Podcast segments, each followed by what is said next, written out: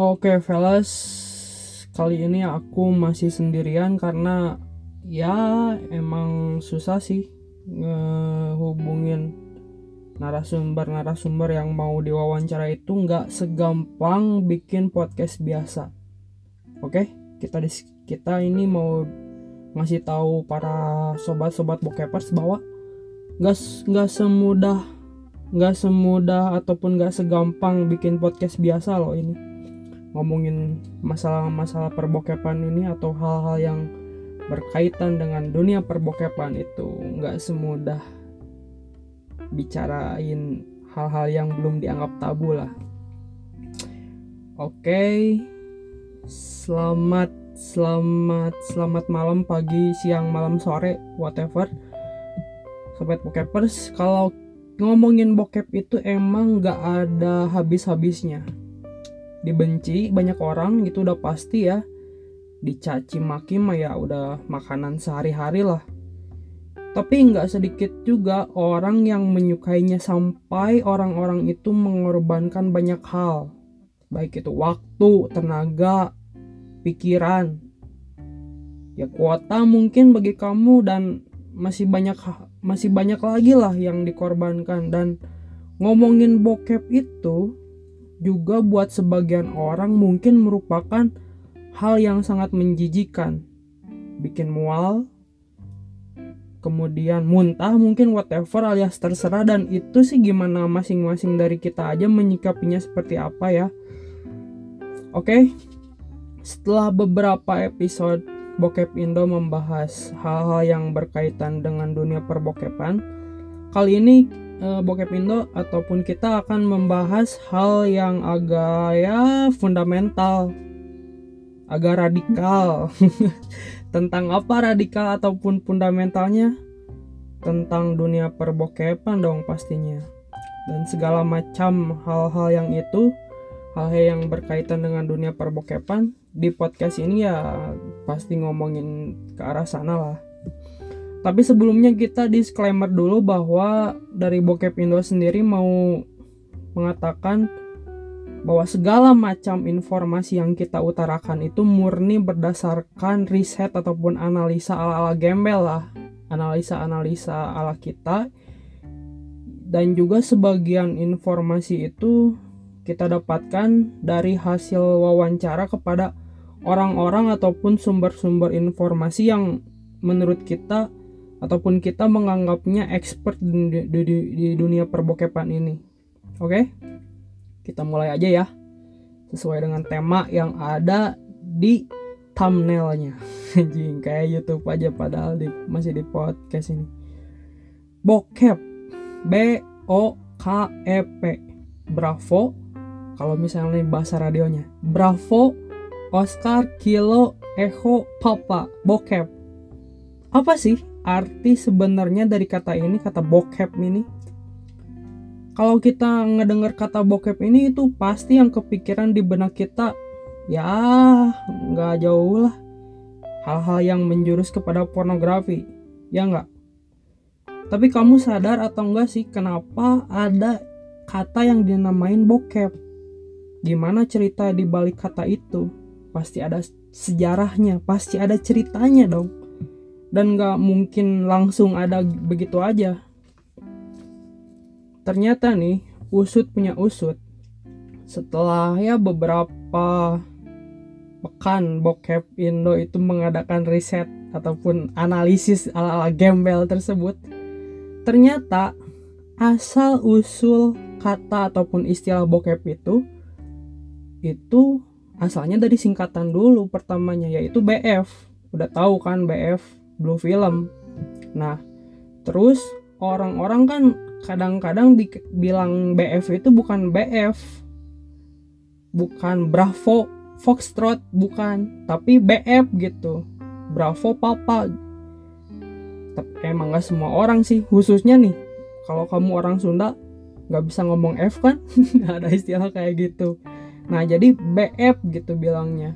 Meskipun gak semua orang bilangnya BF, ada juga yang BF Lalu eh, kalau nggak salah tahun 90-an nih bahkan 80 atau 70-an itu ada yang namanya istilah-istilah bahasa gaul nih. Disebutnya bahasa prokem bahasa prokem gitulah disebutnya.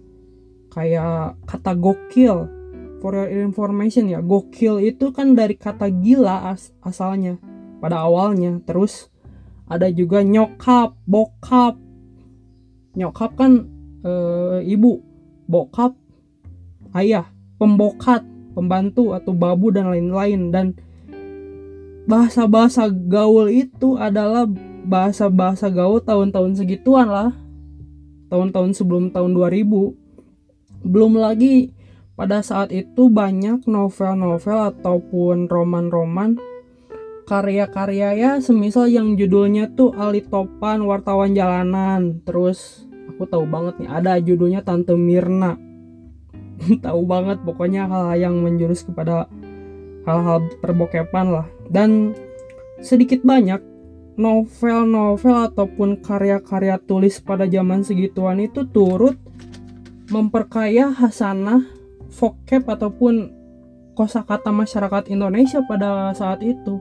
Nah, termasuk nih istilah bokep ataupun istilah BF ini jadi bokep gitu, brother.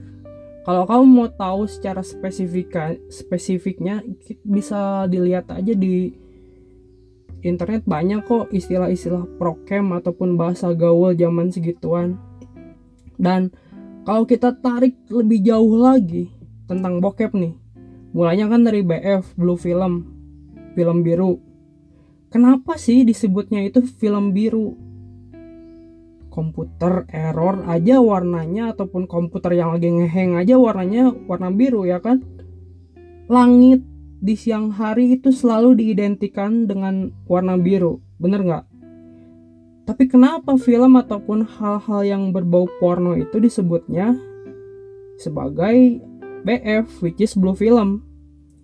Emang sih ya, masih banyak banget versi yang ngebahas kenapa itu disebut blue film, hal-hal yang berkaitan dengan pornografi.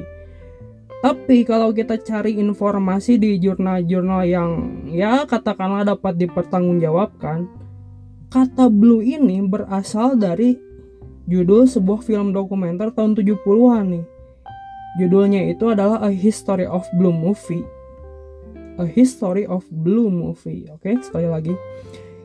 Dan film itu disutradarai oleh Alec Drenzi, which is Pak Alec ini Pak Alex sendiri merupakan sutradara sekaligus pemain bokep pada awal-awal zaman-zaman segitu tahun 70-an. Dan Pak Alek Drenzi ini, Alek Drenzi ya, aku nyebutnya Pak Alek. Itu udah bisa banget dikatakan sebagai salah satu legend ataupun legenda di dunia perbokepan. Tapi di sini bokep Indo belum mau ngebahas sepak terjang Pak Alek Alec Drenzi secara lebih jauh dah. Mungkin di episode-episode selanjutnya kita akan bahas siapa sih itu Alec Drenzi itu. Kembali lagi kenapa disebutnya Blue? Ada banyak versi dan berbagai sumber dan lagi-lagi yang memberi sedikit banyak informasi berkaitan dengan hal ini. Yang pertama nih, kenapa disebut blue? Itu ada istilah blue law. Ini yang pertama yang diterapkan ya katakanlah oleh orang-orang Kristen radikal di Amerika yang memperlakukan hal-hal yang berkaitan dengan larangan-larangan agama nih. Contohnya kalau misalkan ada orang-orang yang melanggar hukum agama, itu disanksi. Sanksinya itu disebut dengan blue law. Contohnya kalau kamu mabok, kalau kamu ngedrugs, kalau ya including kamu ngewe ataupun berzina lah di hari-hari besar agama Kristen ya which is Sabtu dan Minggu kalau kamu melakukan hal gitu dan kegap sama orang-orang ya katakanlah konservatif ataupun radikal orang-orang ini kamu akan disanksi dan sanksi itu tertulis di dalam blue law hukum biru Kenapa? Pertanyaannya kenapa disebut blue law nih? Dan konon katanya peraturan-peraturan yang tertulis itu yang dicetuskan oleh orang-orang Kristen radikal itu ditulisnya di kertas yang warna biru. Jadi disebut blue law. Masuk akal nggak menurut kamu? Itu menurut beberapa uh, versi dan juga sumber-sumber kredibel yang dapat dipertanggungjawabkan. Masuk akal nggak sih menurut kamu? Kenapa disebut blue? Itu yang pertama ya kan. Nah, ada juga nih versi kedua kenapa disebut sebagai blue film. Itu jadi uh, tahun 1920-an itu kan teknologi perfilman itu belum secanggih sekarang dong. Ya which is masih pakai pita kaset film itu dibuat mut, buat muterin film-film itu kan pakai pita-pita kaset. Pita kaset film-film zaman segitu ya yang roll roll kayak gitulah. Nah, kalau pita-pita kaset film zaman dulu itu nih kalau disimpan kelama-lamaan itu asalnya itu warna hitam pita-pita itu. Nah kalau disimpan terlalu lama itu seolah-olah warnanya itu berubah menjadi warna kebiru-biruan. Katanya sih aku belum pernah lihat sendiri. Jadi kebiru-biruan pita-pita kaset itu. Untuk rumah-rumah produksi film yang katakanlah udah udah banyak uangnya pita-pita kaset itu yang udah mulai kebiru-biruan itu biasanya tuh dibuang nah usut punya usut nih gulungan pita bekas yang dibuang itu ada yang mungut sama seseorang kemudian dijual dan kebetulan yang beli pita hasil buangan yang udah berbentuk kebiru-biruan itu adalah sutradara bokep. Karena zaman dulu tuh bikin film tuh mahal, apalagi film bokep yang masih ilegal. Dan rekaman lamanya itu dihapus nih sama si sutradara bokep ini ditiban tuh sama film bokep yang dibikin sama si sutradara itu. Ya pakai kaset yang pitanya kebiru-biruan itu. Nanti nih ini tuh ada hubungannya sama film bokep pertama ntar aku bakal ceritain. Nah itu versi keduanya. Ya jujur aja ya susah banget buat aku pribadi buat ngebayangin kayak apa sih? Ya secara tahun 20-an ya kan? Nggak tahu kayak gimana tuh tapi ya itu sekedar informasi aja dan aku belum pernah lihat secara langsung gimana tuh pita film yang berbentuk ataupun udah kebiru-biruan itu aku belum tahu. Itu adalah versi kedua tapi ya. Nah versi ketiga nih ada juga yang mengatakan kenapa nih disebutnya blue film? Itu dulu karena ada tempat jualan ataupun bahkan tempat nyewa-nyewa kaset gitu ya tahun-tahun segitu kan masih marak tuh orang-orang yang ke tempat-tempat jualan kaset. Tapi itu belum zaman VCD, DVD apalagi belum belum zaman segitu. Itu tuh format video itu masih VCR atau VHS 86 dan lain-lain lah. Dan untuk mengkamuflasenya kaset-kaset porno itu ya katanya sih dengan cover yang warna biru ataupun ditandai dengan sesuatu hal yang warna biru gitu. Makanya disebut blue film. Emang sih waktu zaman-zaman segitu ada juga istilahnya kalau mau beli kaset-kaset porno ataupun hal-hal yang semacam itu ya. Bang beli ataupun nyewa film unyil dong ataupun bang beli film Donald Bebek dong. Itu kode-kodenya bos. Kalau mau tahu tah ke arah-arah situ-situ juga sih ke arah-arah bokep juga sih pada akhirnya. Nah, kalau menurut Bokep Indo sendiri nih, versi ketiga ini rada-rada masuk akal karena aku tuh sempat ngalamin dan tahu gambarannya gimana tuh bentuk dari kaset VCS, VA, VCR, VHS 86 yang kayak gitu tuh masih tahu aku bentuknya kayak gimana dan emang emang emang ada tandanya warna merah, kuning, hijau, hitam, biru. Nah, kadang-kadang nih orang-orang tua kita itu suka mengkamuflase VCD ataupun eh, bukan VCD video-video bokep ataupun porno itu dengan ditandain pakai warna biru nih kayak gitu. Dan e, versi kedua ini menurut aku masuk akal dan aku pun sempat ngalamin sendiri meskipun aku masih muda ya.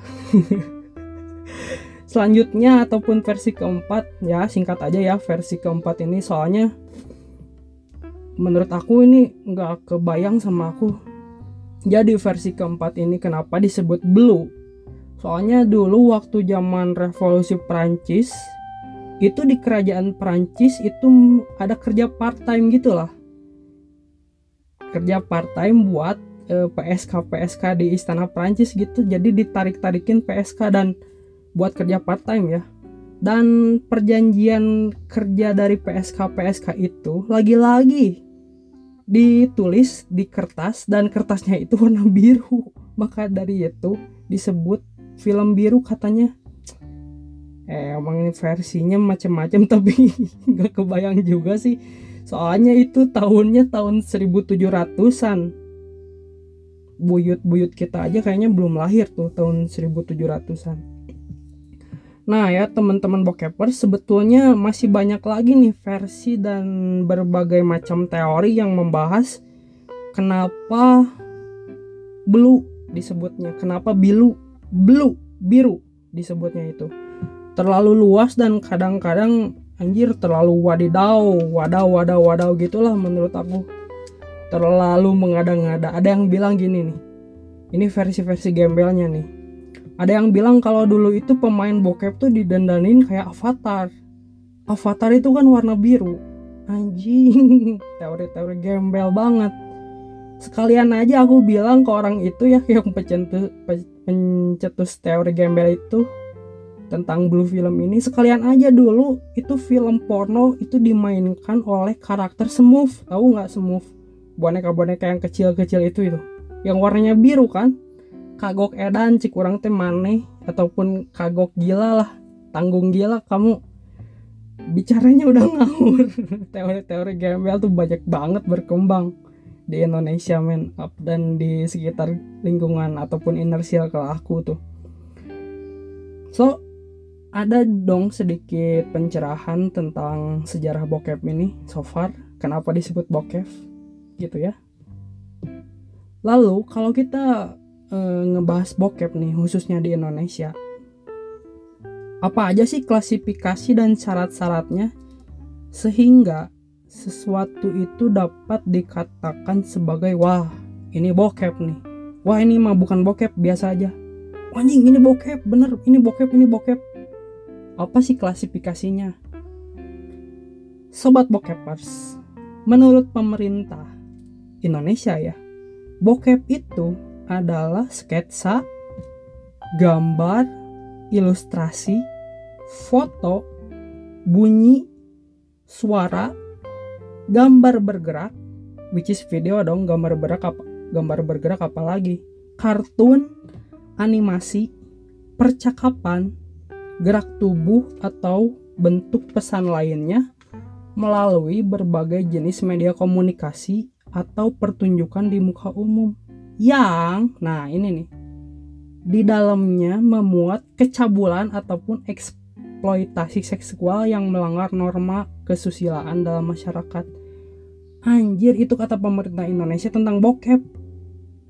Hampir semua aspek pokoknya yang bisa membuat kamu sange ataupun horny itu disebut bokep kata pemerintah. Eh anjir, aku mau nanya nih, by the way ya. Podcast ini bisa diklasifikasikan sebagai bokep atau enggak nih menurut kamu? Podcast ini nih, podcast bokep Indo, bisa nggak diklasifikasikan sebagai bokep? Anjir, enggak dong. Gimana sih menurut kamu nih? Karena hampir semua aspek pokoknya yang bisa membuat sange itu bisa disebut sebagai bokep.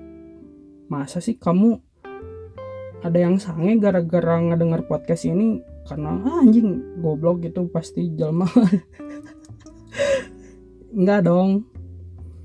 Oke back to basic ya.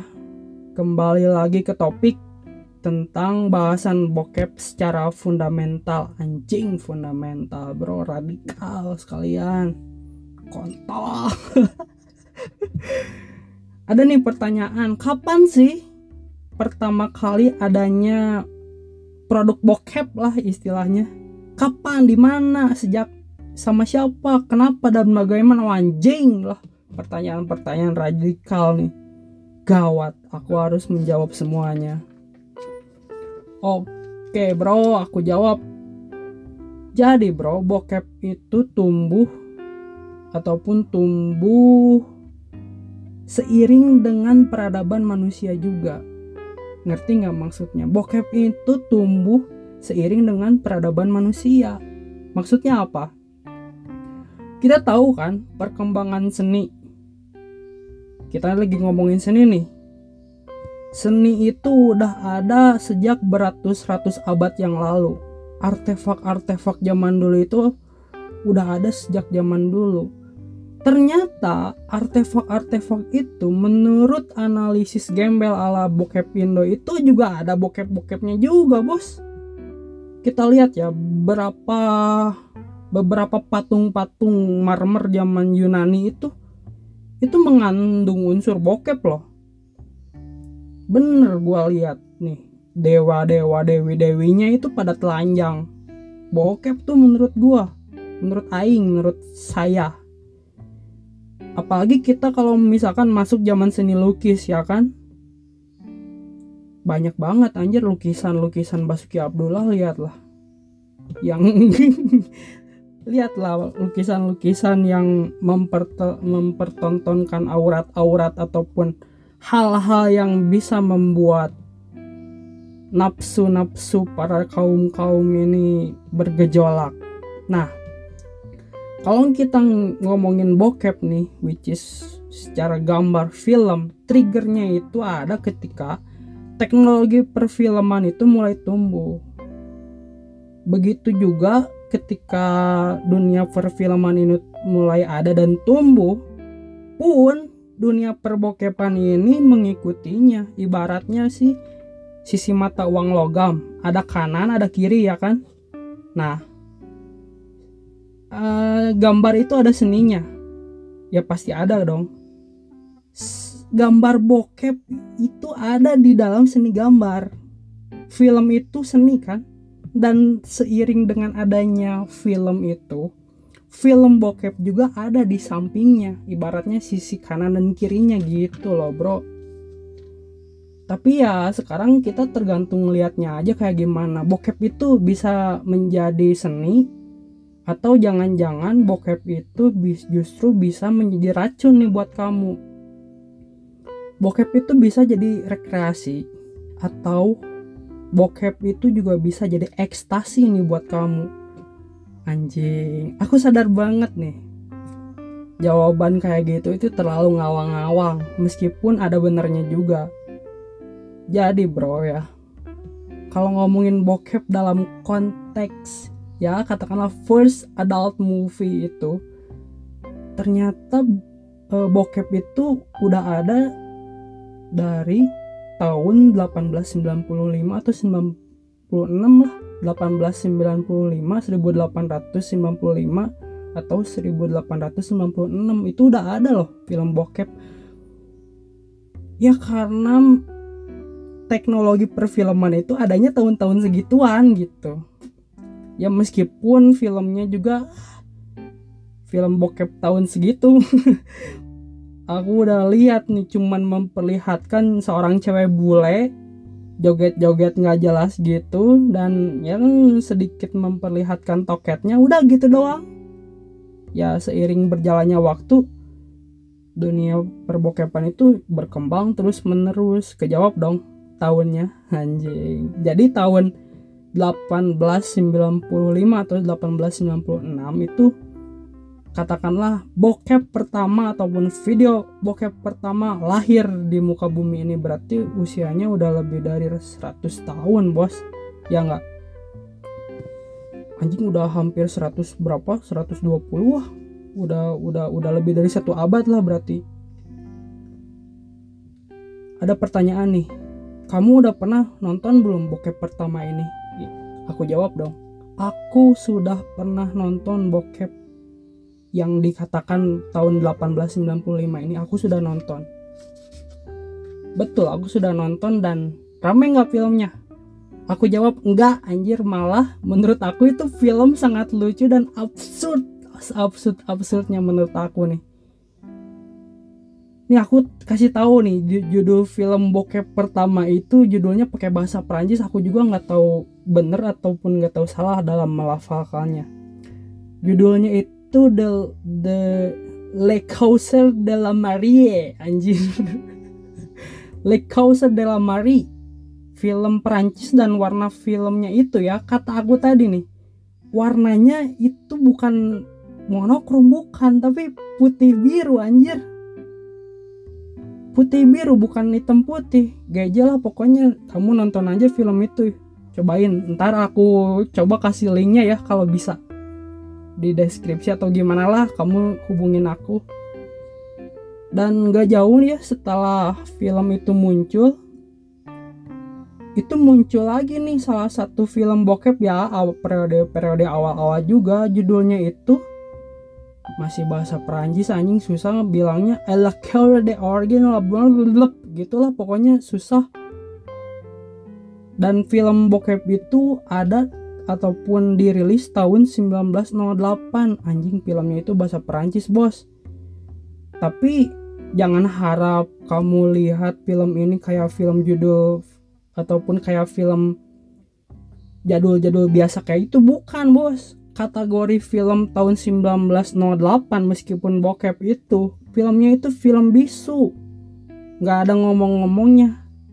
Kenapa aku tahu bahasa Perancis ya? Tapi soalnya ada keterangan di filmnya. Ya kayak kamu misalkan nonton film-film Charlie Chaplin kayak gitulah.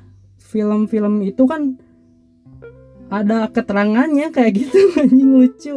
Dan filmnya itu menurut aku ya lucu juga karena ada cewek-cewek nggak jelas tiba-tiba lari-lari gitu sambil telanjang lah. Coba kamu nonton deh film-film bokep anjing zaman-zaman awal-awal periode-periode awal. Lucu pasti kayak gitu kan. Oke okay, fellas atau teman-teman bokepers bokep tuh even di negara-negara bakat negara-negara barat sekalipun ya itu tuh baru sampai tahun 70-an loh bisa dikatakan sebagai sesuatu yang legal itu di bawah tahun 70-an tuh ilegal bokep. Even di negara barat sekalipun loh.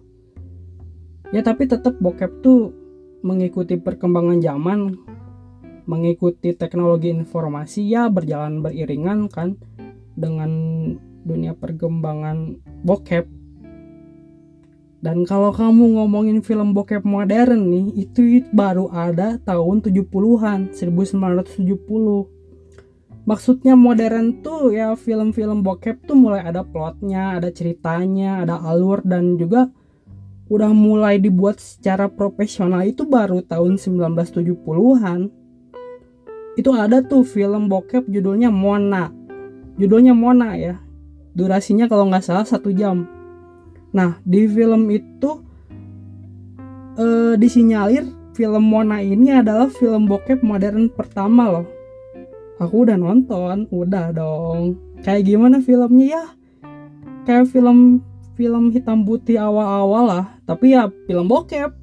Tapi ada ceritanya dan emang kelihatannya emang udah mulai digarap secara profesional. Aku udah nonton nih film Mona ini. Kamu mau nonton? Aku kasih tahu linknya ntar oke okay? atau kamu hubungin aku aja ntar aku kasih tahu kamu harus ngehubungin Instagram aku kasih linknya deh supaya kamu dikasih sama aku linknya oke okay? film bokep modern tahun 1970-an yang disinyalir sebagai film bokep modern pertama hubungin aja aku ntar oke okay?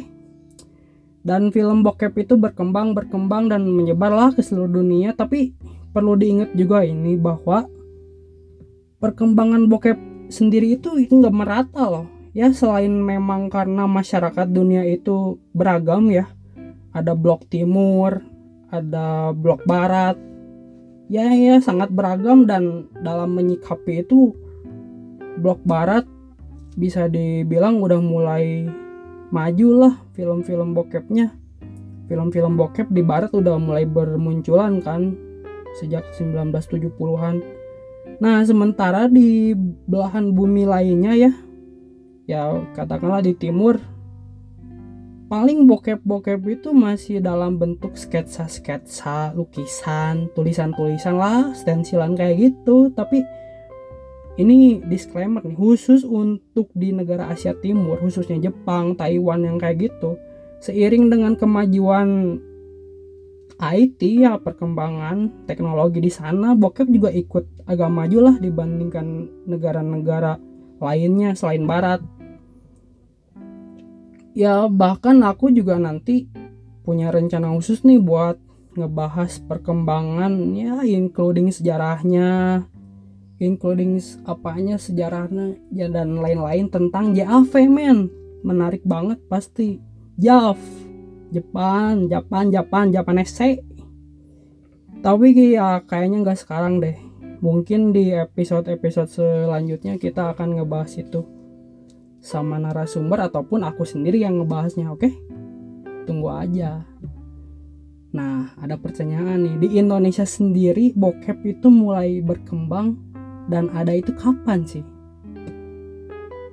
Aku jawab ya sedikit. Di Indonesia bokep itu mulai berkembang dan ada meskipun ya masih dalam masih ilegal itu pada awal-awal tahun 80-an ada muncul film-film hot muncul stensilan di Indonesia itu. Gambar-gambar ya naked-naked kayak gitu tuh ataupun gambar telanjang itu mulai menjamur tahun 80-an mau tahu sejarah bokep di Indonesia?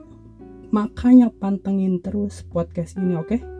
Ntar ada episode khusus sejarah bokep Indonesia Ingat bro, bokep itu bukan melulu soal bagaimana ngewe, ngentot, dan hal-hal jorok yang selalu dikonotasikan sebagai hal yang, negatif belaka bukan kayak gitu doang.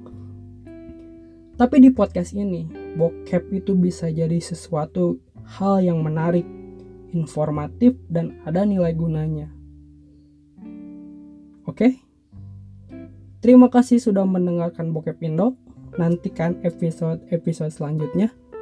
Jangan lupa nih follow podcast ini dan share kepada siapa pun supaya orang bisa memandang sisi positif dan negatif dari segala sesuatu hal yang ada di dunia ini. Gak gampang menjustifikasi.